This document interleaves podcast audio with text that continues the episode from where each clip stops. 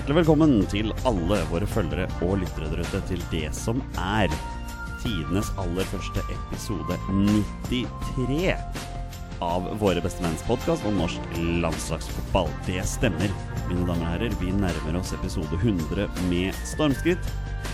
Kommer den ut før vi tar sommerferie? Det er vi jaggu ikke helt sikre på. Muligheten kommer det, eller kanskje kommer rett etterpå. Mitt navn er Jonny Normann Olsen, og jeg skal guide dere gjennom dagens episode sammen med mine to partners in crime. Det er hverdagshelten fra Bogerud, Petter Hermansen. God kveld, Petter. Hei, hei. Og ikke minst traktorføreren fra Toten, Torstein Nyland Bjørgo. God, god kveld, Torstein. God kveld.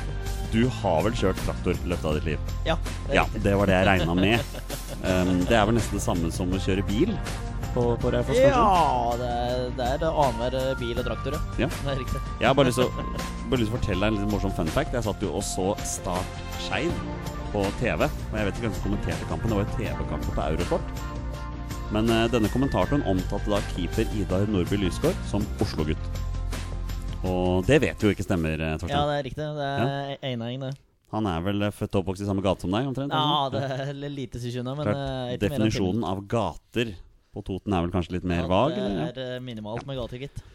Torstein, um, du tilhører jo denne, denne mindre grupperingen i Norge av folk som heier på dette røde laget i Liverpool. Um, dere hadde en god helg. Ja, det har vært uh, veldig bra. Det er uh, Champions of Europe. Det er deilig. Det er fryktelig deilig å ha et trofé. Så nå var det bra. Det var veldig god stemning på lørdag. Det var kjempeartig. Ja. Så stolt, letta, glad, rørt. Uh, hele pakka.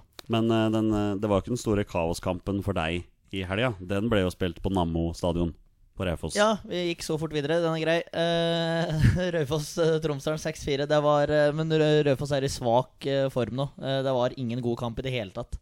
Når Tromsdalen skårer en tredjedel av måla sine i løpet av hele sesongen på, på Toten, så er ikke det bra. Uh, heldigvis så har vi en frisparkkvot fra Danmark som var fininnstilt uh, den i helga. Det var helt vanvittig å se på.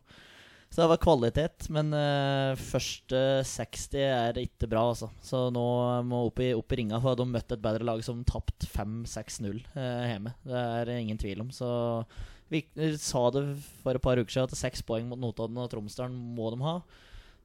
Svak kamp borte mot Notodden og skårer seks minutter på overtid. Eh, og avgjør denne matchen her på en, en, på en halvtime. Så det er bra om få med seg seks poeng, men ser litt bak resultatet, så er det svak rekke. Så møter de Ullkisa eh, borte nå om mandagen. Om to uker, ja. Ja, så Nei, da må ha jo et par gode treningsuker før de skal eh, møte Ullkisa, altså. Du, du nevnte resultatet, ikke sant? 6-4. Ja, 6-4. Ja, Tenker Petter, når, når, du- når du skårer fire mål og likevel taper, da har du gjort noe galt. Ja, det er du vel, eh, vel ikke spesielt god. Jeg fulgte litt med på matchene deres. Jeg ser jo, og følger jo med når, når det både Skeid og, og Raufoss spiller, og så plutselig at Raufoss lå under 3-1 der. Så tenkte jeg bare oi, er det en, lite, er en liten skrell her, men eh, Raufoss ville det annerledes. Men eh, hva med deg? Altså, ditt, ditt kjære Leeds eh, er jo, har jo sommerferie, og Vålerenga har vel en sånn åtte ukers pause fra Eliteserien nå, eller noe sånt. Så Ja, eh, var- hva har du bedrevet i helgen? Det har vært en rolig fotballhelg sånn sett. Fikk jo med meg Champions League-finalen, selvfølgelig. Ja. Eh, det det må, man jo, må man jo få med seg. Ellers har det vært lite fotball i helgen, altså. Spilte ikke Vålerenga treningskamp mot uh, HJK Helsinki? Eh, nei, den er eh, til helgen, vel. Ok, Ja, ja. Jeg tror det er på lørdag eller søndag. Ja, riktig. Ja. Mm. Gammel uh, Vålerenga-helt da, som kommer tilbake til Intility. Tenker du på Akiril-aktig? Han spiller kanskje for dem, han også? Han spiller ikke Nei, der, men, nei da, men du tenker på Harmet Singh? Tenker på Harmet ja. Singh, ja. Mm. Ja. Landslagsrelatert der. Han har jo tross alt landskamper. Han har jo det. Eh, ja da, det blir jo spennende å se. Jeg vet ikke hvor mange tilskuere det blir der akkurat, men det er spennende å se hva slags mottakelse han får, da. Ja. Rolig fotballhelg. Veldig rolig fotballhelg. Men Vålerenga 2 gjør det bra. Ja, Vålerenga 2, vi kan jo ta med det. Når du, ja da, De banka vel Mjøndalen 2 her i, var vel i går, det, da. Det, ble det til slutt? 5-2 eller noe sånt? nå? Ja, det var 4-1. Jeg Ja, sjekka ja hvis det kan stemme. Så de, de, de, de ser jo foreløpig ut til å, til å um, Ja, de ligger bra, bra an da med tanke på opprykk igjen til, til andredivisjon. Vålerenga 2 rykker opp hvis de vil, tenker jeg. Og det, og det vil de jo. Det, ja da, de vil nok ha den utviklingsmuligheten så høyt som mulig, ja. Selv eh, tilbrakte jeg søndagskvelden på Magneten pub på Torshov sammen med ja, 20 av mine likesinnede Skeid-supportere. Det blei jo dessverre 2-0-tap mot eh, Start. Det var jo ja, i utgangspunktet en kamp som skal være forskjell på lagene, men det var ikke det, skjønner du. Vi, vi leverte en bra kamp, til tross for at vi har åtte mann ute med skader og suspensjoner og sykdom og alt mulig nå. Så dro vi dit og ga, og ga dem kamp til døra. Det er ekstra bittert når de tar ledelsen når det er sju minutter igjen på klokka. Så ja, det er vel ikke så mye mer å si enn det. Vi, det er litt bittert. Vi, vi taper omtrent alle de uh, jevne kampene i år. Ja, så er det sjølmål det siste målet der, nesten. Dette tilbakespillet. Det er nesten sjølmål. Ja, det er eh, så å si Ja. det er, eh, Ja, der var det mørkt. Ja, skal vi, ta noen, vi ta noen landslagsting i introen da når vi først er her? Uh, I dag så kom det jo informasjon om at Ståle Solbakken Han sier nei til landslaget, Petter. Han, han vil ikke ha jobben etter Lars Lagerbäck. Nei, han eh, ser for seg eh, kanskje å ta steget videre fra København og ut til en annen eh, større klubb. Ja. Hvis det dukker opp et bra tilbud. Eh, så blir det spennende. Du har jo spekulert litt og sagt at eh, det er Per Joar som tar over eh, etter Lars. Jeg tror eh, Per Joar Hansen er nestemann i rekken, ja. Det kan jo, fort, eh, kan jo fort skje, men eh, da virker det i hvert fall som at det er bestemt at Lagerbäck kan gi seg i 2020. Etter EM, ja. Ja, da er han, da er han ferdig. Det, Virker det som. det virker jo sånn. Hva Ja. tenker du, Torstein? Ja, nei, det virker eh, utvilsomt sånn. eh, og det er sagt det flere ganger, og når det skulle velges ny landslagssjef, så ville jeg ha Kjetil Rekdal. Eh, jeg tror det kunne vært Han nevnes jo når eh, hver eneste klubb eh, mister treneren sin. Eh, men jeg tror det kan være en eh, fin idé å tenke på Kjetil Rekdal. da. Nå spørs det hvor han er en om ett og et halvt år, da. Men eh, nei, vi, får, vi får bare se litt. Men eh, det ser utvilsomt ut sånn at eh, det er 2020 som gjelder, og da forsvinner Lagerbäck. Og da har han gjort sin jobb. Etter hvert så må vi jo ha en pod dedikert til hvem vi tror blir neste landslagstrener, men det er fortsatt et år fram i tid. Sånn cirka, i hvert fall. Ja, vi får gjøre unna kvalik og gjøre unna EM og sånn. Gjør, ja, gjøre unna EM. Bare ta den pokalen hjem. Ja, Liksom. ja, ja, der den hører hjemme. Vi avslutter introen med en gladmelding. Eh, Denne leste jeg på Twitter i dag. Jeg har ikke fått en bekreftelse på det, men ifølge en Twitter-bruker så har Tariq Elonossi blitt kåra til månedens spiller i Allsvenskan. Ja, men det, det har han helt sikkert gjort. Det er vel verdt en applaus? Ja da, jeg ja syns det, ja. For en strålende form denne fyren har vært i. Skårer eh, på bestilling. eh, Det er jo bare å håpe han tar med seg den formen videre inn på landslaget. Ja, det, det er en fin Segway inn til det vi skal prate om. Skal vi rett og slett bare prate litt om kampene på fredag, eller, boys? Ja, la oss gjøre det. Kjør! Da gjør vi det. Stuss, og det er mål! Norge leder 1-0 etter vel sju minutter. Og da var det Ståle Solbakken som var sist på ballen, i tilfelle hans første landslagsmål i hans eh, 19. opptreden for Norge. Førstkommende fredag er det endelig klart for landskamp igjen. Og vi, mine herrer, vi skal på Ullevål og se ja, våre beste menn. Rett og slett eh, Norges landslag bryne seg på Romania, som er første motstander. Torstein, du, sitter du har jo sittet med troppen til Romania foran deg her i dag.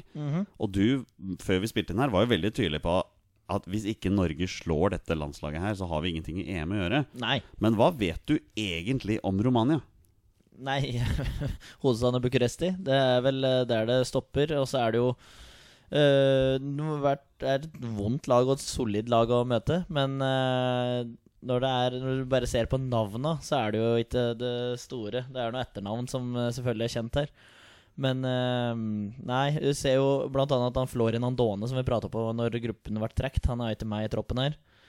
Eh, Bogdan Stanku, som skåra to straffer i EM i 2016. Han er ikke med, men han var en eh, gammel mann da, så kan hende lagt opp.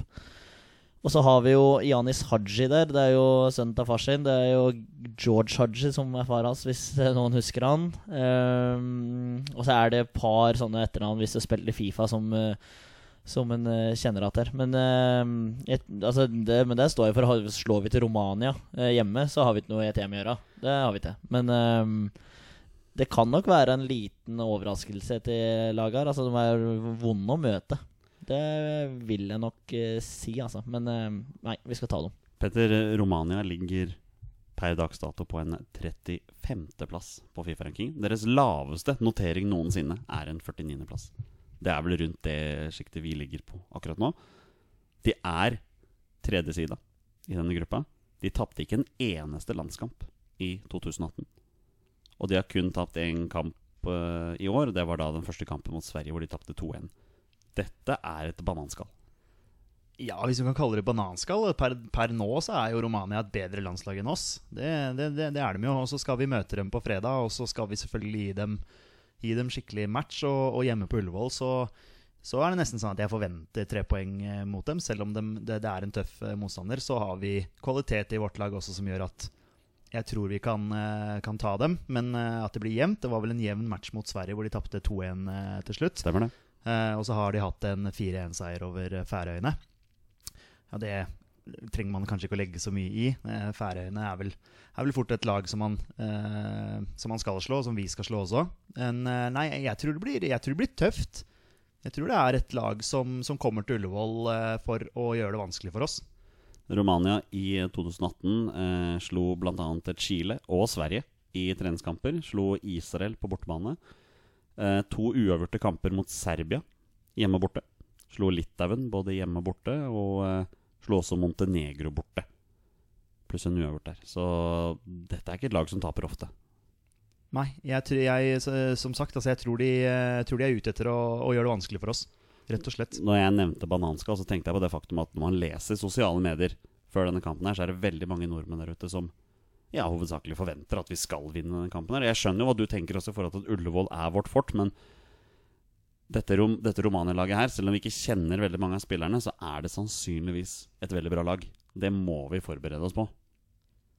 Ja, ingen tvil om det. Uh, men uh jeg veit ikke hvor stor Florian Andone er, og hvor viktig han er for dette laget. her Uh, Så det er bare det jeg litt, stusser litt på når han er ute. Om de er avhengig av altså, Hvis Joshua King hadde vært ute for oss, så om det, er, om det har så mye å si.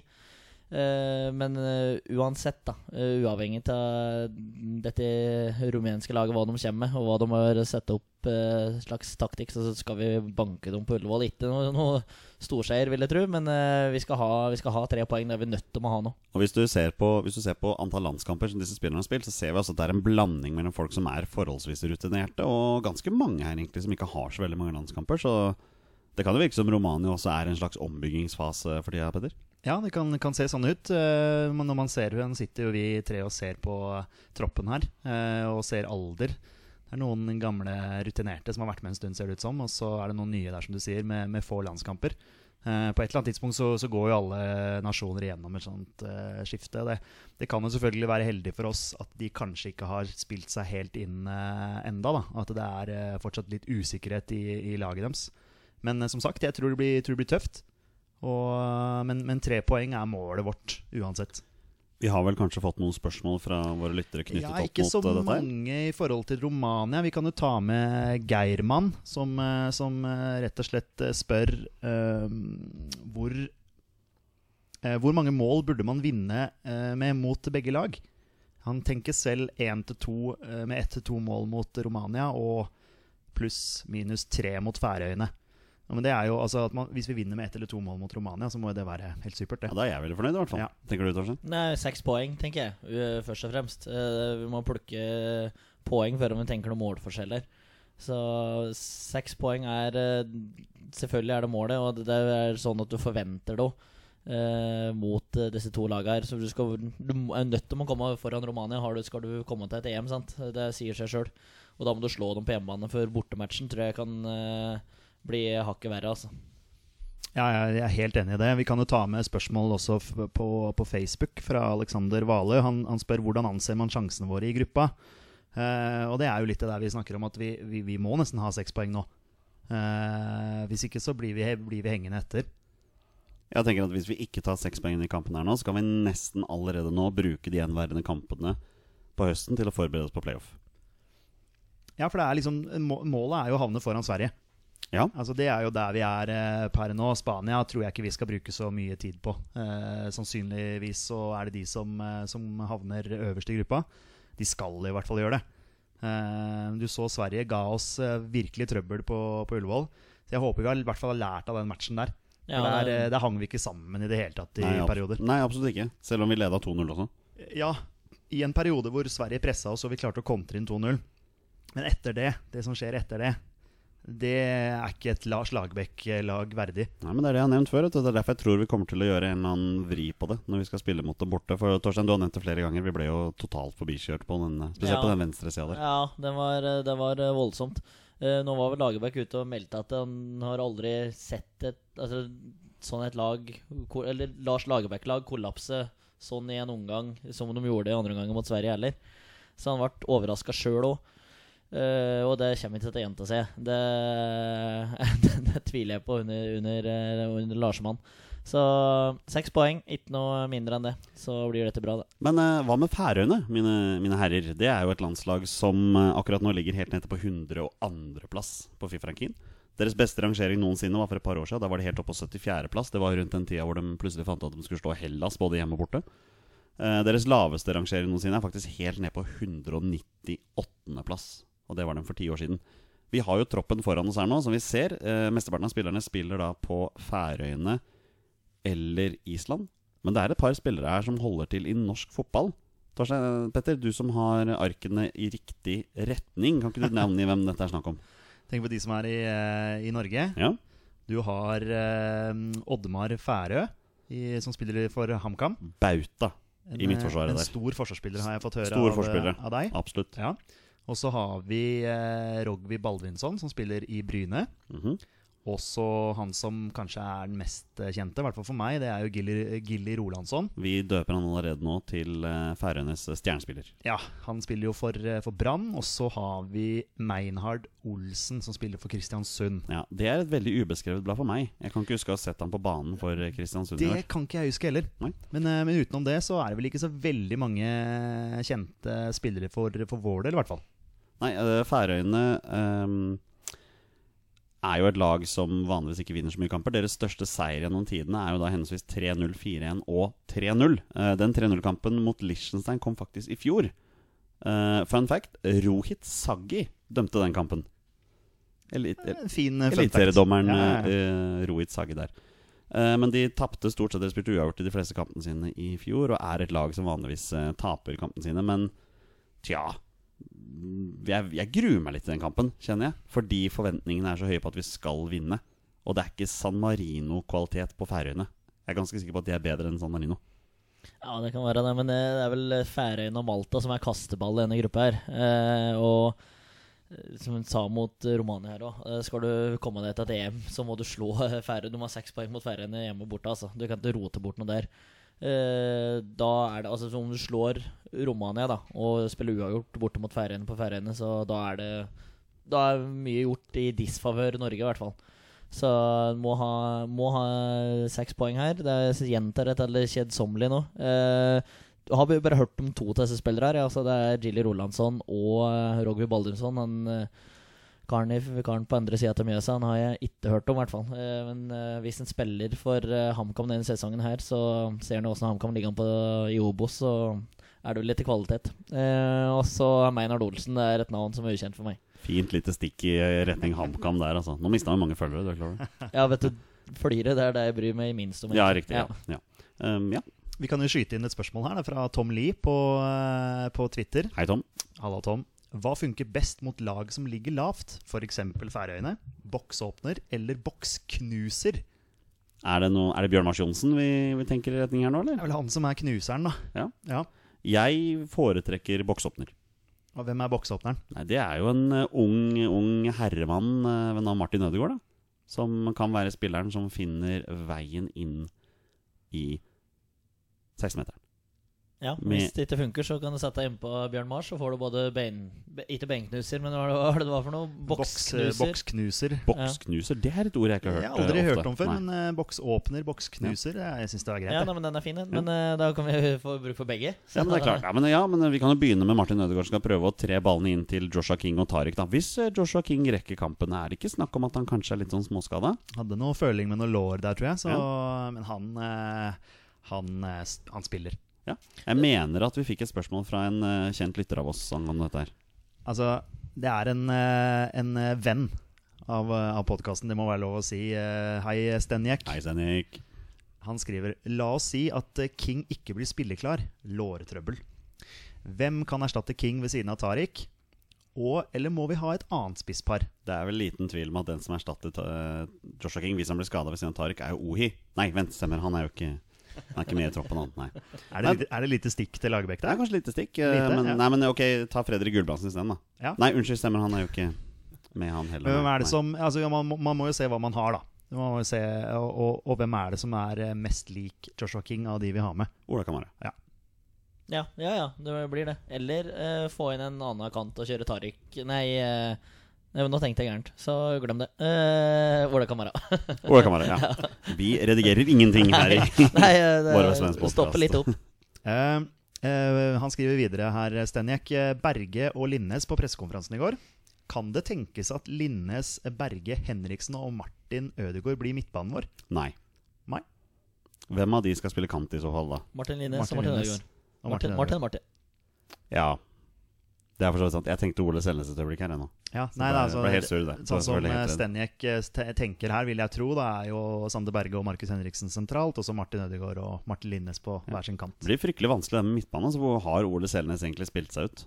Av eh, Nei, og det, det var jo en uh, artig greie på TV2 Sporten her, hvor de hadde møtt både Selnes og Kamara i eh, Kina. Eh, og der lo vel Ole Selnes av dette her at nivået var så dårlig der eh, i, i Kina, i kinesisk fotball.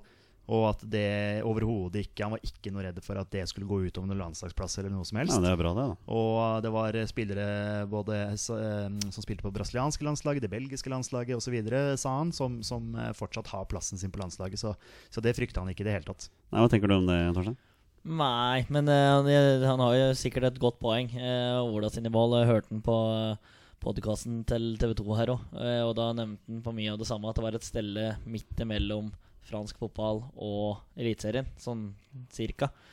Eh, og det er, eh, vet du, det er mange nede der som har etablerte etablert et navn som spiller både på det ene og det andre landslaget, som er nede der. Og jeg tror han beholder eh, plassen sin så lenge det, lenge det funker for han dere der. Men du, jeg har bare et spørsmål som jeg kom på underveis. Er det kunstgras på Færøyene? Oi, Det er et veldig godt spørsmål. Det burde vi faktisk eh, sjekka. Gi meg, gi meg to minutter, da, Ja, så skal jeg sjekke at jeg mener jeg har sett noen høydepunkter i en EM-kvalik-match eller VM-kvalik et eller annet sånt, og at det er kunstgras der.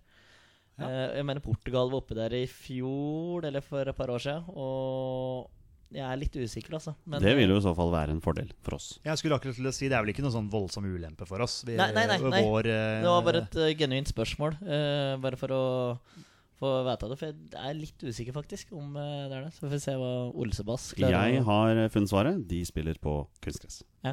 Mm. Det gjør de. Ja da, men det, det tenker jeg ikke på i det hele tatt, sånn sett. For, Nei, nei. for, for vår del. Eh, Stadion tar eh, 6000 tilskuere. Ja, Forventer fullsatt. Jeg vil tro det når, når storebror eh, Norge kommer på besøk. Ja. Men eh, resultattips. Hva tenker dere? Romania hjemme, Færøyene borte. Eh, Da tipper jeg først her. Jeg tipper 2-1-seier mot eh, Romania. Ja, det er bra. Og så tipper jeg 2-0-seier borte mot Færøyene. Og det er det vi trenger. Ja. Torstein? Skal vi ikke ha resultattips i vloggen vår mot Romania? Jo, Så men det, spart den? Det skal vi for så vidt. Men vi tar det her også. Ja, vi tar det her òg. Ja, Ja, det er Jeg kan gjenta meg sjøl, jeg, altså. Ja. 2-0 på Ullevål og 0-4 på, på Færøyene, som det står på sluttresultatet. Ja, takk. altså at vi Ja. vinner 4-0. Ja. Ja. Det er riktig. Vi vinner ikke 0-4. Nei, det er enig. Jeg vet du er nazi på dette, her, så derfor eh, så fortalte fortalte som jeg Det gjorde. er ikke bare meg. Jeg vet at du også er på det, Petter. Ja. Ja, man, eh, man eh, vinner aldri 0-4. Nei, man gjør ikke det. Nei. Norge vinner 1-0 mot Romania på Ullevål, og vinner eh, 3-0 på eh, Torshavn. Det er vel det hovedstaden i, på Færøyene heter. Men det virker som alle tre har liksom trua på at her, det, dette skal vi kunne klare. Her skal vi ta seks poeng. Vi kan jo ikke tenke noe annet. Nei. Altså, Vi må ta seks poeng i de to kampene her. Du, man vil jo liksom tenke at eh, hjemmematchene De skal vi i hvert fall unngå å tape. Sant? Og borte mot Færøyene, der må vi såpass kravstore må vi være at vi må må kunne forvente tre poeng der òg. Kan også nevne det faktum at eh, mens vi spiller mot Færøyene, da spiller Spania mot Sverige. Å, det er nøkkelkamp. Det kan være en nøkkelkamp å Ja, følge ja, med ja. på. Tar vi en, eh, ja, kan vi ikke bare si Spania-seier der, da? Jo, kanskje vi bare skal si det. Ja, Spania bare kan seile. Spania kan godt bare vinne Ja. alle kampene sine. Spania og Sverige møter jo da henholdsvis Malta og Færøyene i sine kamper, eh, mens vi møter Romania, og det er eh, seire. Ja, det er, det er jo det. Ja. Nei, Det blir spennende, og, det blir, og jeg gleder meg veldig til fredag. Det gjør jeg også. Og jeg er veldig spent på lagoppstilling. Det, det, er, det er bare mye å glede seg Det til. er, har du gjort deg noen tanker? Um, altså Man gjør seg alltid noen tanker. Man gjør jo det. Eh, keeperplassen ønsker jeg ikke å snakke om nå. Altså Vi har snakket om det så mange ganger her. At det, det, det blir Grytebuss eller Hansen, det veit vi jo. Han overrasker ikke nå og setter Sondre Rossbakk i golden her, for å si det sånn. Hvis du skulle vært der nå. Hvis jeg hadde valgt, så hadde det vært Stein Grytebuss. Veldig enkelt. Ja, jeg, jeg er helt enig i det. Og selvfølgelig det kommer mye an på hvordan er eh, treningene før osv. Og, så videre, og hvis det er sånn at eh, ja, Grytebuss er helt borte og André Hansen storspiller, så kan det hende at det, det forandrer seg. Men eh, mitt utgangspunkt er også Grytebust. Ja. Og så forsvarsfireren, eh, den sier jo nesten seg sjøl. Det blir jo eh, Omar El Abdelawi på høyrekant. Nei, høyrebekk. Og så blir det vel Birger Meling, vil jeg tro, på venstre. Ja, den er Ja. Ja. ja. Han har Jeg blir ikke overraska hvis Haitam starter. Nei. Nei? Nei, men det, dette har vi snakka om før. Og dette handler om for meg at uh, egentlig uansett hvem som spiller back, så er Ja. ikke jeg bekymra, i hvert fall. Vi, vi fikk jo litt tyn, vi. På, på VG-debatt her. Det var jo noen som mente at vi var altfor positive i forhold til Haitam Alisami. Det er til og med en som skrev at Haitam har ingenting på landslaget å gjøre. Det er jeg helt uenig i. Ja, jeg syns ikke han har spilt seg ut når han uh, har, har spilt. Og hvis man, hele, hvis man skal dra fram den uh, tabba hans mot Italia, så er jo det Ja, det, Da blir det sittende lenge. ja, det, Altså. er, det er Ja. lenge siden. Men jeg, jeg reagerte litt under Sverigekampen. For han starta jo kanskje presset ute på sidelinja, og så rygga han jo inn i femmeteren. Han støta jo aldri oppi. Han rygga og rygga. og Fikk rygga. veldig lite hjelp fra venstrekanten der. Det også, gjorde han, Ja. men han rygga og rygga og rygga, rygga eh, nesten helt inn i eget mål. Så Sånn sett kan jeg forstå den kritikken, men kritikken skal rettes til absolutt alle Jeg er i enig. den uh, Og matchen. jeg er helt enig, og det er klart Haitam har spilt sine dårlige kamper, men han har spilt sine gode også. Um, Ja da, men, men jeg ser gjerne Birger Meling eh, på, på bekken. Altså, en, av de, en av de bedre spillerne, kanskje den beste spilleren til Rosenborg eh, så langt denne sesongen. Og så er jo Martin Linnes der, da. Som en dark horse. Ja, ikke sant? Jeg tror greia der er jo at han er jo høyrebeint. Selv om han spiller, Ja. selv om han spiller på venstrebekken for Galatasaray. Jeg mener at det var noen som nevnte det. Ja, det, Han har også spilt der, ja. Så det, jeg tror kanskje det er et ankepunkt mot han da i forhold til Lars Lagerbäck der. Ja, men da har du innover, eh, innoverkanter. da Muligheten for han å spille på venstre og skjære innover, og Martin Ødegaard på høyre og skjære innover. Så det er i hvert fall sånn som Torstein og jeg eh, Ja, gjerne men vil klarer ikke helt å se for meg at Martin Linnes skal skjære innover. Det er Jeg det. ser du for deg Martin Linnes i det hele tatt forsere og i det hele tatt komme seg forbi eh, bekken, Nei, slå innlegg? du, du ser det jo ikke for deg. nei, jeg ser det heller som et trygt valg i en bortematch. F.eks. mot Romania, kanskje på høyresida der. Kanskje. Det kan jeg faktisk Ja. eh, se for meg uten Martin Ødegaard da. Ja. Men uh, dette der eh, tar vi om et halvt år. Men, uh, men uh, ja, og så er jeg enig med deg i, i med keeperplass og backer og stoppere. Er Stoppere sier seg sjøl. Kristoffer Ayer og Håvard Nordtveit er de to som starter denne kampen. her Ja.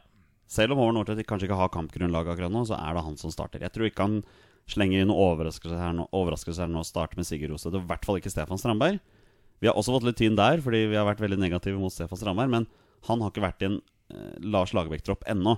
Han har liksom ikke noe helst grunnlag for å starte denne kampen her. Så han starter ikke. Det blir, det blir Kristoffer Ayer og Håvard Nordtveit som starter i midtforsvaret. Ja, det er, altså, ja, altså er det den formen som Stefan Strandberg er i, så den er jo øh, veldig fin, den. Men jeg tviler òg veldig på at han starter. Og det mest spennende blir jo sentral midtbanevalget. Ja, for kantene kan vi også bare ta med en gang. Martin Ødegaard kommer til å starte på høyre. Ja. Så enkelt er det. Eh, Og Stefan Johansen kommer til å starte på venstre. Du tror han kommer til å starte? Jeg tror han kommer til å starte. Jeg tror ikke Stefan starter. Nei, Jeg tror ikke men jeg tror du Moi starter, Moi starter isteden? Nesten heller det. Ja. Men han er jo ikke spilt fotball på seks Ja, det er jo liksom Det er Mats Møller Dæhlie, da. ja, Det er det som faktisk er. Men Ja. øh, også er det Martin og Mats samtidig. Det, det, Ja. det blir det spennende venstrekantvalget der òg, faktisk. Men jeg, jeg ville heller hatt Mats Møller Dæhlie enn Stefan Johansen Jeg vil kanskje på, på, på kant. Mm. Ja. Ja, det, vil- det ville jeg personlig, i hvert fall. Mats eller Moi, da? Moi. Moi. Ja, jeg, Beklager. jeg er veldig dårlig på det Ja. sjøl, men uh, Moi ja, Man har fått streng beskjed om at det er, det er det han heter, eller kalles. Ja. Men den sentrale midtbanen, Markus Henriksen kommer til å starte. Det vet du jo, det er Lars Lagerbäck-kamp. Ja. Han spiller jo alt som er der. Og så blir det veldig spennende hvem som starter ved siden av der. Det blir ikke Fredrik Midtsjø, selv om han er med i troppen. Det blir Sander Berge eller Ole Selnes. Hvem velger du, Jeg hadde gått for Sander Berge. Petter? Um, uh, jeg vil ha Ole Selnes uh, pga. dødballfoten. Jeg vil ha Ole Selnes. Ja, Eh, på, gr på grunn av ja, Han hadde noen pasninger der i, i Nations League som, eh, som ikke mange andre slår på det laget der. Så, så, så sånn sett har han en eh, ja, Kall det X-faktor. Mm. Eh, du har en, en bra fot i Stefan Johansen også, men jeg, jeg vil ikke ha han ute på kanten her. Jeg syns det er eh, helt håpløst. Men eh, jeg personlig ville jo hatt Ole Selnes og Sander Berge, da. Mm. Jeg respekterer valget deres, selv om jeg er uenig, og går videre. Joshua King starter så lenge han er frisk, Ja. og Tariq Elenossi starter nå. Det er Ja, ikke noen ja, tvil. Nei, nei, Men, men hvem var det venstrekanten var? Jeg fikk egentlig ikke noe Mats eller Moi. Nei, altså, Nei, kanskje ja, Mats, da. ja, Men det, det blir jo veldig på kantene. ja, det blir det. Det, blir det. Og så tror jeg Lagerbäck eh, er glad i å ha Moe på kanten. Fordi han kan skape litt uro og eh, kan være bra én mot én og forsere og drible og sånn. Så kommer det selvfølgelig veldig an på kampform, da. Jeg tror ikke Tariq starter og Ola kan være king på topp. Det kan skje. Det er jo ikke en Det kan også, det kan også heller. skje, ja. Absolutt. Nei, Det blir veldig spennende. Vi stiller Men spørsmål. jeg, å- jeg tror Ja, jo innerst inne at Moi, Moi starter den kampen her. Mm. Det tror jeg. Jeg er enig. Han er jo ganske etablert i elveren til Lars Lagerbäck, han også. Jeg tror det, Men det er vanskelig å utelate Tariq og Joshua King. Altså Joshua King starter jo, men uh, Tariq er van veldig vanskelig å utelate fra dette laget. Ja, men han starter på topp. Ja, så det er uh, topp eller kant. Ja, vi, vi, vi får se. Og den er lur, og det er mål! Og det er Frank Strandli. Ofret seg mye for laget som skårer. Og det etter vel 14 minutter. Vi ruller på videre med podden, og nå skal vi innom noe ganske trist og kjipt nå. Vi må jo bare ta en kjapp oppsummering på U20-VM. U20-VM i seg selv er jo ikke ferdig, men for Norges del er det over, Petter. Og vi hadde forventninger før dette mesterskapet. Vi sitter skuffet tilbake, til tross for at en herremann har satt verdensrekord i en av kampene. Ja, nei, vi, eh, vi hadde jo tro på at vi skulle gå videre fra den gruppa. Eh, Det hadde vi. Det hadde Paco også. Så målet var jo å gå videre. Eh, Der, der svikta de, dessverre. Tapet mot Uruguay i åpningskampen var jo for så vidt greit. Det var et bra lag. De er ute nå, for så vidt. De røket i åttendedelsfinalen mot Ecuador. Eh, De var gode i første gang. Vi var gode i andre gang. Ja, jeg syns jo den andre gangen der er jo den egentlig kanskje den beste omgangen de spilte. Nå tar ikke jeg med Honduras eh, her, men Nei, vi, vi eh, kommer dit òg. Ja. Eh, da, da, da så det bra ut. Og det kunne like gjerne vært vi som utligna til 2-2, som at Uruguay gikk opp til 3-1 der. Og basert på den andre gangen så hadde vi jo også forventninger før kampen mot New Zealand, og der gikk vi på en smell, Torstein Bjørgo. Ja, der ryker vi. Eh, på ei kanonkule der. Vi tror vi var innom det forrige uke òg. Men eh, det er jo mot New Zealand at det går gærent. Veldig synd at det, det, at det skal bli sånn. Eh, og så er det jo sjølsagt noen kamper som ikke går vår vei etter vi banker Honduras der. Men eh, Og kunne hatt flaks sånn sett. Men eh, mot eh, New Zealand der, der ryker det. Nå har vi ikke sett de eh, åpenbare sjanser vi har der. Og så er det et drømmetreff uten like fra han ene stopperen, og så er det et sjølmål når vi må kaste alt framover. Så Nei, veldig synd at det blir sånn. Eh, eneste positive man ta, kan ta med seg, er jo at eh, Braut Haaland setter eh, verdensrekord i, eh, mot Honduras der. Men eh, det blir litt tynt, eh, det òg, dessverre. Stopperen til New Zealand som skårte det sinnssyke målet, heter for øvrig Stensnes til etternavn. Han tror jeg bomma på straffe eh, mot Colombia. Ja, men der ser du karma. Jeg Ja, det, jeg, jeg er ikke helt sikker, men jeg mener det. Eh, ja, vi kan jo ta et spørsmål her da fra Doffen. Ah. CB Julebrus for life Fastlytter. på, på Twitter. Han skriver Kan det ikke vurderes til annet enn stryk dette U20-mesterskapet? Man hadde store forventninger på forhånd, men det som presteres i de to kampene som blir avgjørende, er jo langt ifra godt nok. Hva sviktet? Forhåndsanalysen? Uttaket? Formspillere ute av elver? Vi har jo eh, booket eh, Paco nesten til en eh, pod før sommeren hvor vi skal snakke litt om mesterskapet. Så vi skal, vi skal grille han rett og slett i forhold til hva som gikk galt her. Men fra, fra tilskuermessig sted så var det jo så var det veldig mye som gikk galt. Det så ikke ut som relasjonene mellom spillerne var til stede i det hele tatt. Veldig mye feilpasninger, veldig mye feil valg. Eh, rev meg håret til tider av enkelte av spillernes valg, og det virket som han var mer mer ute etter å imponere agenter på tribunene var enn å spille fotball. Det er klart, Jeg hadde litt sånn forventninger når det var vel ti minutter i kamp mot Uruguay, hvor vi skårer egentlig et kjempemål. Det ble jo annullert for offside, for en korrekt avgjørelse, men det var veldig bra spill. Og så faller vi veldig sammen der. Um, veldig mange på sosiale medier har jo etterlyst flere formspillere. Um, og det er klart, Paco gjør jo forandringer fra elverne fra kamp til kamp her, så han kan åpenbart ikke vært veldig fornøyd med det han så av spillerne heller. Og det å tydeligvis sette en fast elver var, var nok ikke lett for han. Nei, og det er det, det er det jeg også sitter igjen med. Det er det jeg også har reagert på. At her har han, har han nok bomma litt. Her har han ikke truffet med valget av, av elver. Og det har blitt litt sånn for meg litt sånn, eh, litt sånn fomling. Litt sånn derre Jeg veit ikke helt hvem som passer best sammen, og hvem som skal spille. Og, Uh, og det kan jo selvfølgelig ha vært det som har ødelagt for oss. Uh, og spesielt den New Zealand-kampen syns jeg, jeg vi var skikkelig dårlig. Altså skikkelig dårlig. Er det noen spillere du kunne tenkt deg å se mer av på Norge i dette mesterskapet, Torstein? Nei, men Jeg har jo ført med på sosiale medier òg, og det er jo klart jeg stussa jo litt med Christian Thorstvedt når han ikke fikk eh, være ute på mer. Eh, Jens Petter Haugå syns jeg var veldig bra mot Honduras, men det skal han ikke legge så mye vekt på. Eh, han òg syns jeg er en, en, bra spiller, eh, men han har kanskje ikke spilt altfor mye for Bodø-Glimt heller. Håkon Evjen har vært eh, veldig bra for eh, Bodø-Glimt. Men han var ikke så god nei, i dette mesterskapet nei, nei, nei, det, det er sant. Men han ble plassert på bekk. Ja. Ja. Han er ikke noe bekk, han. Nei, han er åpenbart ikke det. Nei. Nei, Og men han starta jo ikke kampen så- nummer to. Nei, ikke sant? Men der har du jo én feil. da ikke sant? Du, du bruker eh, en spiller der ute av posisjon. Ja, og altså, han var, var ukomfortabel, altså. Ja, for det vet jeg Paco nevnte oss også, at uh, Evjen kunne spille høyre kant så, i 4-3-3, som han gjør i Bodø-Glimt. Og så helt motsatt, uh, for sånn jeg tenker, på venstrebacken igjen. Så um, det, Det, det så ikke ut som det var en naturlig posisjon for han. Nei. Eh, Det var i hvert fall eh, som håper på å si eh, TV TV-tilskuer, TV-seer, så så, så så så han rett og slett ukomfortabel ut. Men boys, så er det denne siste kampen, da. Denne sjuke kampen mot, mot Honduras her. Vi vinner altså 12-0. Erling Braut Haaland skårer ni mål i samme kamp. Og ehm, hva skal vi egentlig si om denne kampen som ikke allerede har blitt sagt jevnlig på sosiale medier og rundt omkring? Vi kan vel nevne at vi kjørte i gang en egen avstemning. Ja, vi, vi, vi kjørte en, en liten poll på, på Twitteren vår, eh, hvor vi rett og slett eh, spurte våre følgere hva, hva tror dere, er dette kampfiksing, eller er det en eller er det ikke kampfiksing, eller en helt vanlig kamp? Det var jo ikke en helt vanlig kamp, som vi også fikk eh, en melding om. Det, det, det var det jo ikke. 12-0 er ikke en vanlig kamp. Eh, fikk vel rundt sånn 160 stykk som hadde gitt, eh, gitt stemmer der, og 55% av de trodde at det var snakk om kampfiksing.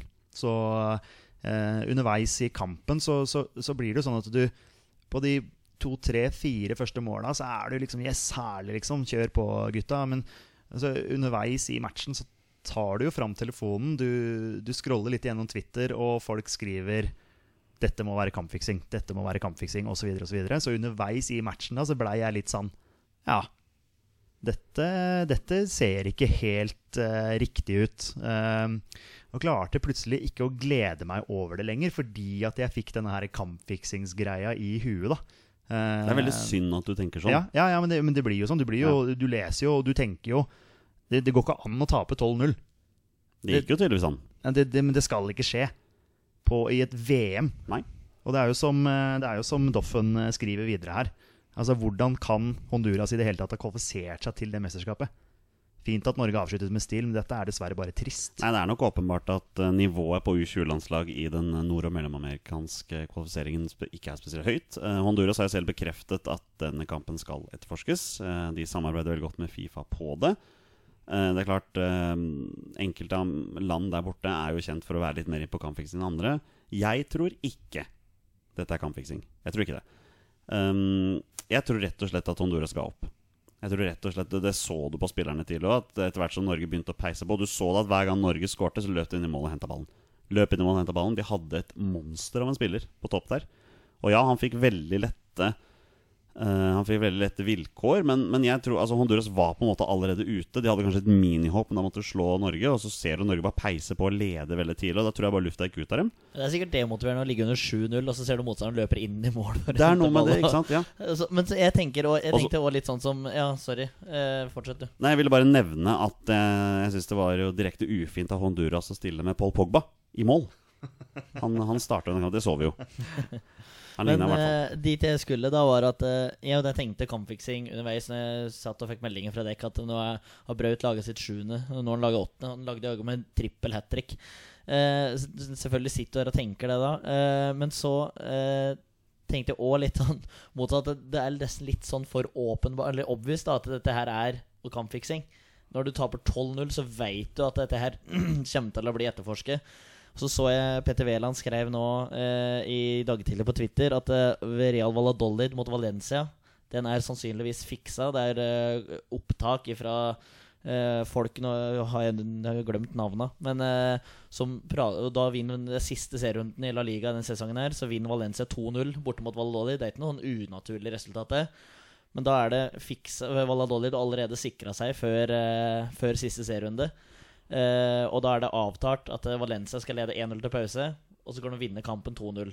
Og så Det er scoring i det 35. minutt og det 55. eller et eller annet sånt noe. Og da tenk, går det an å tenke sånn at dette er et vanlig resultat, dette her kommer vi unna med. For det er satt store penger på at Valencia leder med ett mål til pause og vinner med to. Uh, men 12 Ik ikke 12-0.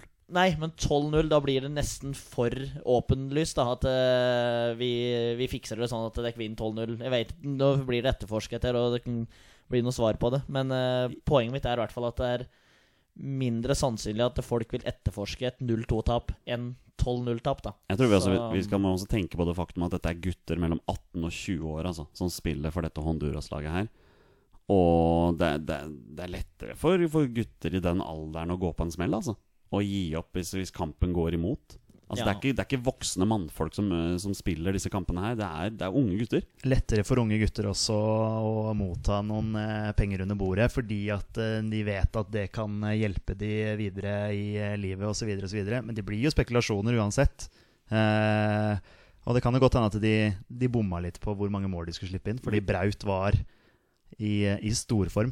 Vi får vel nesten bare stole på at denne etterforskningen eh, finner ut om det er noe. Hvis det ikke er noe, så må vi ta seieren som det er. Da er Ja, det ja, ja. 12-0. Og inntil det blir bevist at dette var kampfiksen, så velger jeg å juble for 12-0-seieren. Ja, ja. Og Erling Brauts fantastiske oppvisning der. Imponerende sånn sett, eh, og det skal jo, det skal jo gjøres.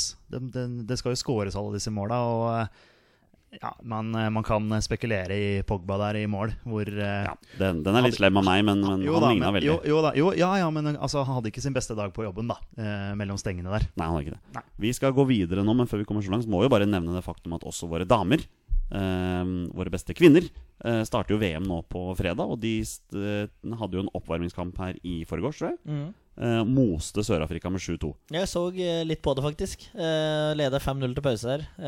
Men Martin Sjøgren var ikke fornøyd. Det var mye slurv der, altså. Så det var, var litt ikke, Du kan ikke sammenligne Honduras og Sør-Afrika, kanskje, men eh, det var, eh, det var ikke topp motstand da, som skulle ønske at det var bedre motstand. Og så Sør-Afrika hever seg andre gangen der, altså, men eh, Norge har full kontroll og lager et veldig fint 6-1-mål der. Ja. Når de kombinerer veldig fint og spiller gjennom Ingrid Movold Totning, for så vidt. Eh, eller for må, Alltid må være en Totning med. Eh, og så slår ut at Isabel Herlovsen som lager sitt tredje da. Så det var så noen tendenser der, i hvert fall. Så det eh, veldig artig. Og nå er det vel VM-åpning om fire dager? Det er på fredag, dager. tror jeg. Ja, Ja. Så det blir, eh, det blir morsomt å følge med. Vi kjører en liten oppdatering på hvordan det går med damene i neste ukes pod, Petter. Gjør vi ikke det? Jo, selvfølgelig. De, eh, de åpner på Norge spiller sin første kamp på lørdag. Ja. Så det, det blir, eh, blir, blir spennende. Og det skal man selvfølgelig få med seg. Må jo det. Heia Norge. På denne dag Vi kjører på videre med dagens podkast, og nå er vi inne på det faste segmentet som er På denne dag. Og Petter, hva er På denne dag? Setter meg alltid tilbake når du skal ta på denne dag. På denne dag, da går vi tilbake i tid. Finner en landskamp eller to eller tre eller fire. Og eh, ja, en norsk landskamp, da selvfølgelig, som har blitt spilt på denne dag for x antall år siden. Prate litt om den. Lagoppstillinger, resultat. I det hele tatt. Jeg prøver jo som vanlig å gjøre min research Ja. på disse kampene her. Eh, Torstein, du skal som vanlig komme med ditt tips. Hvor mange kamper tror du jeg har med til oss i dag? En. I dag Torstein Børgo, har jeg med tre kamper. Oh, hei. Tre kamper som er spilt den herrens eh, dag eh, 4. juni på eh, forskjellige år. eh. Første kampen kommer jeg til å hoppe over deg på, Torstein, og det er naturlige grunner når jeg spør Petter hvor var du 4. juni 1986? Da var jeg ikke født. Da var du ikke født. Nei. Nei. Så da var jeg vel Da var det faktisk av naturlige grunner til begge to. Da var jeg inne i magen Ja, til, til Amor. ja men du var ikke Ja, du var et halvt år unna, var du ikke det? Jo, det stemmer vel det. Så du kan umulig ha fått med deg denne kampen her. Uh, 4. juni 1986 taper Norge 3-1 borte mot Romania. oi, oi, oi, oi, oi. Dårlig tegn. Og tro det eller ei, mine herrer, det har vært eh, fryktelig vanskelig å finne veldig mye info om denne kampen her, men jeg har Norges lagoppstilling, og her er det noen kjente navn, og et par ukjente navn også. Eh, Norges eh, startelver var Erik Thorstvedt, Hugo Hansen, Trond Solli, Terje Koiedal, Arne Møller, Vidar Davidsen, Kjetil Osvold, Åge Hareide, Arne Larsen Økland, Tom Sundby og Sverre Brandhaug. Hugo Hansen, det er ikke et navn som ringer noen bjeller hos Det meg. høres Altså. ut som en sånn Varg Veum-karakter. Ja, nesten, faktisk. Det er dattera til Hugo Hansen. Kan også nevne at eh, i løpet av kampen Ola By Riise spilte andre omgang eh, for Norge. Eh, Egil Snapperen Johansen eh, kom også inn med pause, mens Gøran Sørloth fikk det siste kvarteret i 1986. Vi går rett og slett bare videre. Det var ikke så mye mer om kampen der. Eh, Torstein, hvor var du 4.6.2005? Ja, nei, det veit jeg ikke. Skulle jeg si eh, Jeg så sikkert ikke noen landskamp. Eh, det spørs hvilken kamp det er, så kan jeg se om jeg husker eh, noe. Hva med deg, Petter? Hvor tror du at du var den dagen? 4.6.2005. Hvis den ble spilt på Ullevål, så var jeg der. Jeg var der i hvert fall. Ja. Eh, vi var nok ikke der sammen. Nei, vi var nok ikke det da. Jeg var på Ullevål og så Norge spille 0-0 mot Italia i Ja. 2005. Ja. Eh, dette var jo en kvalifiseringskamp til VM i 2006. Um, Norge endte på andreplass i den pulja. Da var vi fem poeng bak Italia og fem poeng foran Skottland. Det betydde playoff. Der ble det tap mot Tsjekkia, sammenlagt. Norges startelver i denne 0-0-kampen mot Italia var Thomas Myhre, André Bergdølmo, Erik Hagen, Klaus Lundekvam, Jon Arne Riise, Martin Andresen, Kristoffer Hestad, Jan Gunnar Solli, Steffen Iversen, Morten Gams Pedersen og Jon Carew. Og i løpet av kampen kom også Azar Karadas og Frode Johnsen inn på banen. En haug med legender på den elveren ja, her. der er det mange sterke navn. Husker du noe fra denne kampen? Uh, nei, jeg husker, husker at jeg var der. Uh, husker eh, et sterkt resultat, da. Jeg husker at dette var Kristoffer Hestads gjennombrudd på Ja, landslaget. Han gjorde en Han kjempematch. eh, løp i filler Ja, midtbanen. Pirlo der, ja. Ja, ja. Sånt er det da så jeg Ja, matchen. løp i filler midtbanen til Italia. Petter, hvor var du 4.6.2011? Da var jeg i Bergen eh, Det var du. og så den helt sikkert med deg. Det gjorde du. Vi satt i samme kjellerleilighet der vi bodde i, eh, i Bergen, og så Norge tape 1-0 mot Portugal. Ja. Kvalifiseringskamp til EM i 2012. Og Ja. hva er veldig kjent med denne kampen her, mine herrer? Er det Tom Høgli og Ronaldo? Tom Høglis superkamp, som ble spilt denne dagen for åtte år siden. Ja. Um, hadde rett og slett Ronaldo i lomma si, den kampen der. Uh, dette var jo uh, en eh, kvalifiseringskamp til EM. Norge startet jo kvaliken til EM veldig forrykende. Tre seire på rad. Um, endte med fem seire, én ørt og kun to tap. Og det holdt dessverre bare til tredjeplass i gruppa, på målforskjell bak Portugal, som tok andreplassen der. Um, Danmark vant gruppa. De eneste tapene til Norge var da bortekampene mot Danmark og Portugal. Jeg husker spesielt bortekampen mot Danmark, hvor du og jeg tilbrakte på fotballpuben i Bergen. I hvert fall en time før. Smekkfullt, god stemning. Kampen var elendig. Tapte 2-0. Niklas, Niklas Bentner Jeg tror faktisk Niklas Bentner skåra den kampen. skåra to, han tror jeg. Eh, det kan hende. I hvert fall én, Ja. Det kan hende. Um, så det var, eh, det var trist. Her er Norges lag. Rune Jarstein, Tom Høgli, Vadim Demidov, Brede Hangeland, Jon Arne Riise, Erik Huseklepp, Bjørn Helge Riise, Henning Hauger, Christian Grindheim, Morten Gams Pedersen og Jon Carew. Og i løpet av kampen kom Daniel Bråten, Markus Henriksen og Moa innpå. Også noen kjente navn her. Du hadde vel en liten fun fact om Bjørn Helge Riise her? eh, Ja, riktig. Jeg skrev det ikke i går. Han putta for Stabæk 2. eh, For. Stabæk 2. Ja, der Ja. dukka han plutselig var bare Ja, jeg hadde ingenting å gjøre, så jeg sjekka om det var noen fotballkamper i dag. Og da bare sjekke noen lagoppstillinger. Bare sjekke om Oskar Aga spiller, og bare noe, noe, noen andre, skulle jeg si. Og da hadde, var det en som heter Riise, som hadde skåret på straffe. Eh, så, men Stabæk tapte. Nå husker jeg ikke i farten hvem de spilte mot. Du er helt sikker på at det er Bjørn Helge Riise? Det sto Bjørn Helge Riise, så det, jeg veit ikke om det er vår Bjørn Helge Riise, men eh, det, det kan fort være, altså. La opp i fjor, gjorde han ikke det? Etter at uh, den lille karrieren i Nå er han tilbake. Nå er han tilbake på Stabæk, på Stabæk 2, altså. Skal ut ta sånn Stefan Strandberg-comeback, han da. Så neste tropp er han med.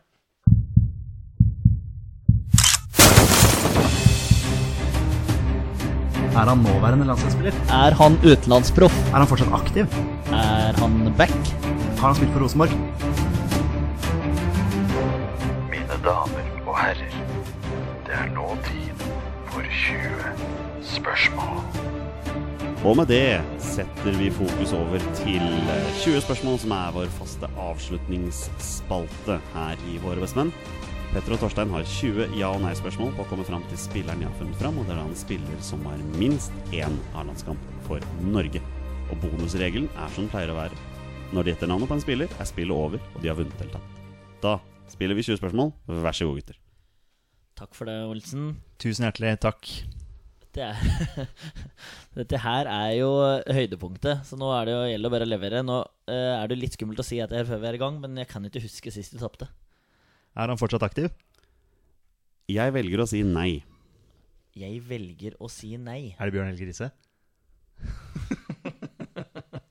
Men velger å si nei, men da kan det jo Hva, bet- være hva, men hva betyr det? at du spiller Jeg er ganske Han spiller- Da kan det være i tredjedivisjon, da. Altså Stabæk er vel i jeg, jeg, jeg kan si jeg er ganske sikker på at han ikke er aktiv. Ok, ja, ok. Det er sånn, ja. Ja, Nei. Eh, posisjon, eller? Er han eh, midtbanespiller? Nei. Er han forsvarsspiller? Nei. Er det spiss? Ja. Håpa litt på keeper. Ja. Ok, en spiss som eh, ganske sikkert har, eh, har gitt seg. ja. Da er det vel bare å name-droppe, da. Ole Martin Års er det første som uh, detter ned. Uh, Torstein Helstad satt jeg og tenkte på. Ja. Mm, ja. Det, men det er, eh, ja, det, men det er jo det er litt jo- artig. Vi må ha litt mer kjøtt på beinet før Ja, vi må det, vi må det. eh, Mest kjent for karriera si, eller? Ja Men Det skal kan vi gjøre ta. sånn som du gjorde Vi kan her? prøve mesterskap. Mesterskap går an å prøve. Ja, man har vært med. Ja. Kjør du, Tors. Uh, har han vært med i et mesterskap? Nei. Ikke vært med i et mesterskap. Nei. Ok. Da er det jo selvfølgelig interessant å finne ut eh, hvilke klubber han har spilt for. Mm. Og Anna, det er lenge siden vi har stilt spørsmålet om Premier League, faktisk. Føler jeg. Ja, nå, Har han spilt i engelsk Premier League? Nei. Hørte jeg sa engelsk der. Får jo kjeft da hvis ikke vi sier uh, Får ikke kjeft for til Men om det er mest kjent for karriere sin i Norge Fordi at det kan jo fort være at vi har vært nede i første og andre divisjoner. Eh, er han mest kjent for karriera sin i Norge? Ja. Den kom eh, den veldig, kom, uh, veldig kontant fra Olsen her. Ja. Ok. Eh, om han er mest kjent for karrieren sin i en nåværende eliteserieklubb? ja den, er, den er fin.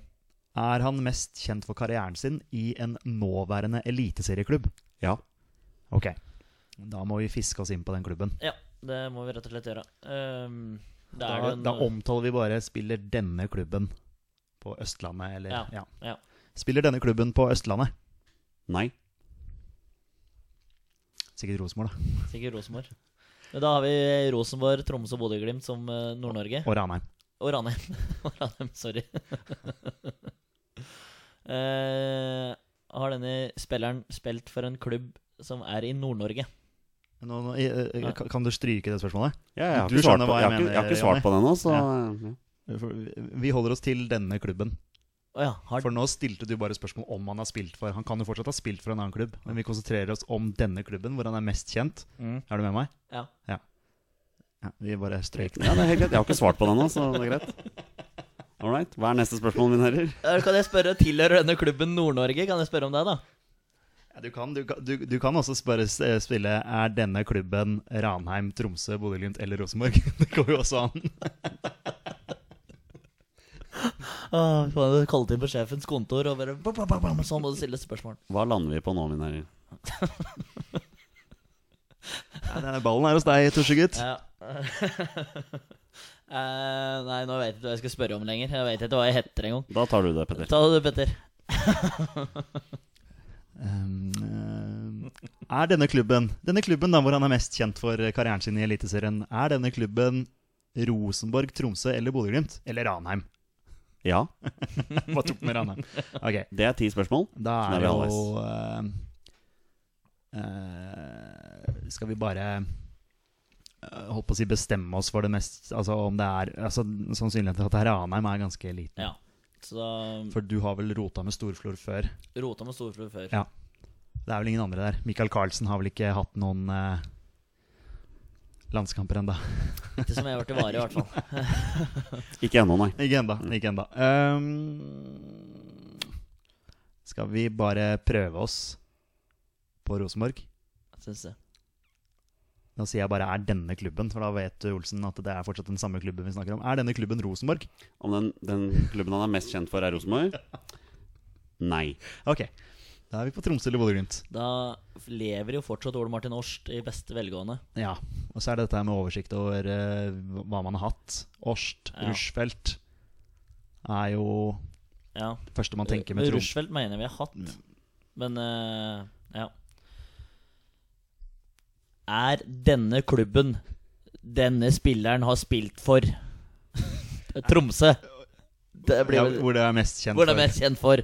Er det Tromsø? Ja. Takk! Kjære gud. Oi, oi, oi. Ok. Årst.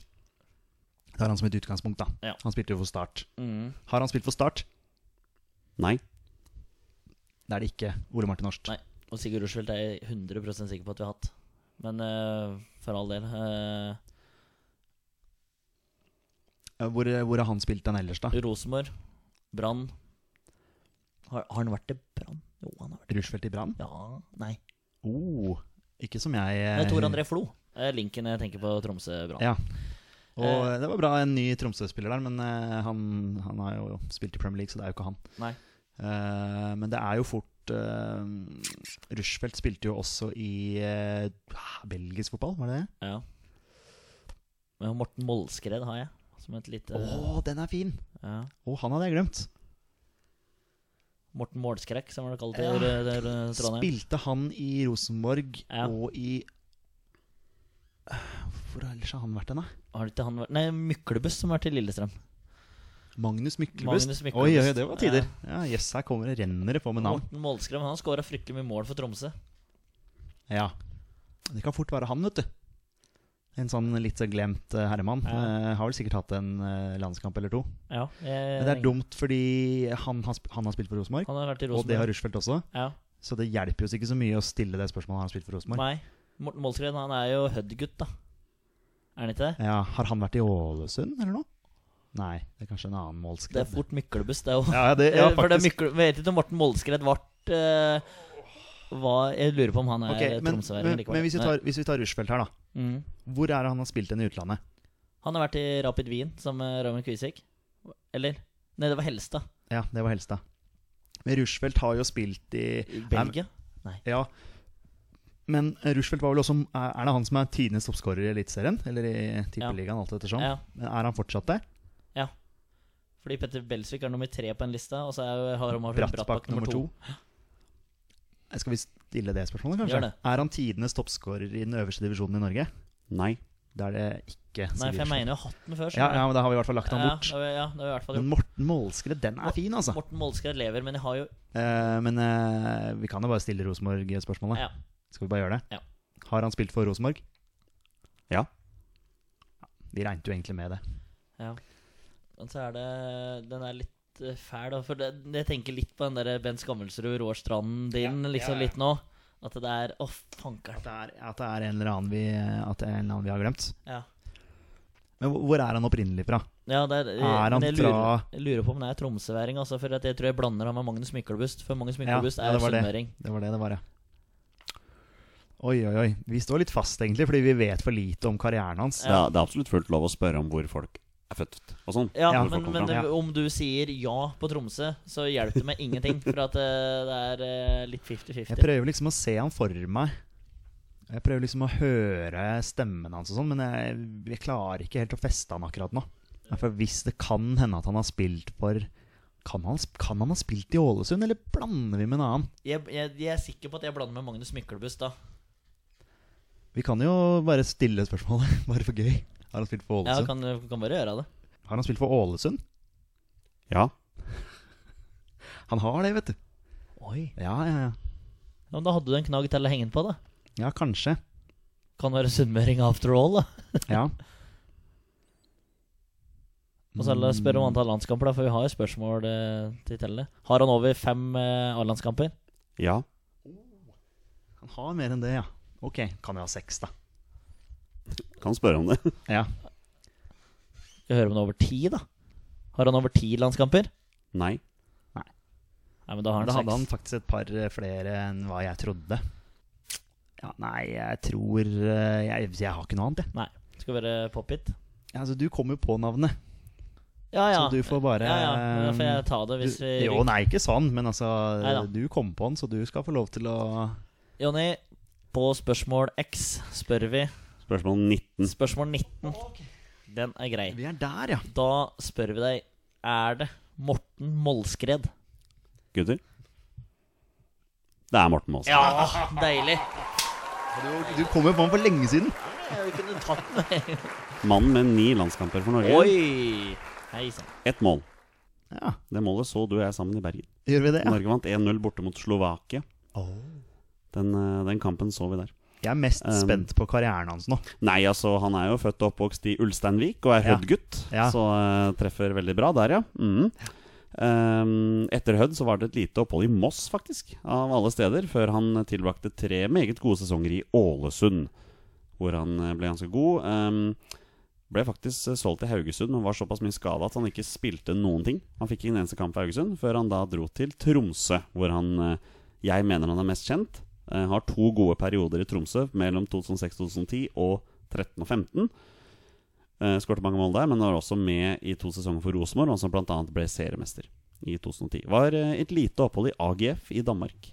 Spilte to kamper der, men avsluttet Jeg tror han avsluttet sin karriere i 2017 for Finnsnes i norsk andredivisjon.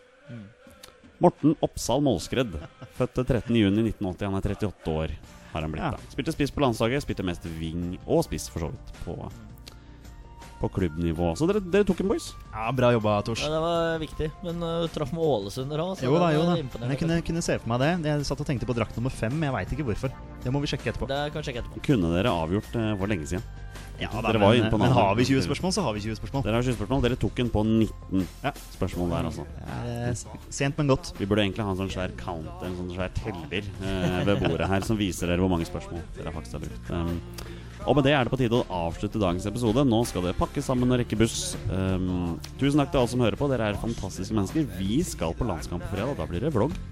Da blir det vlogg, og vi gleder oss til landskamp. Vi gleder oss veldig til landskamp. Og neste uke, neste tirsdag, regner jeg med, er vi tilbake klar for å oppsummere landskampene og snakke om annet gøy som har skjedd i det siste. Oppsummere de seks poengene.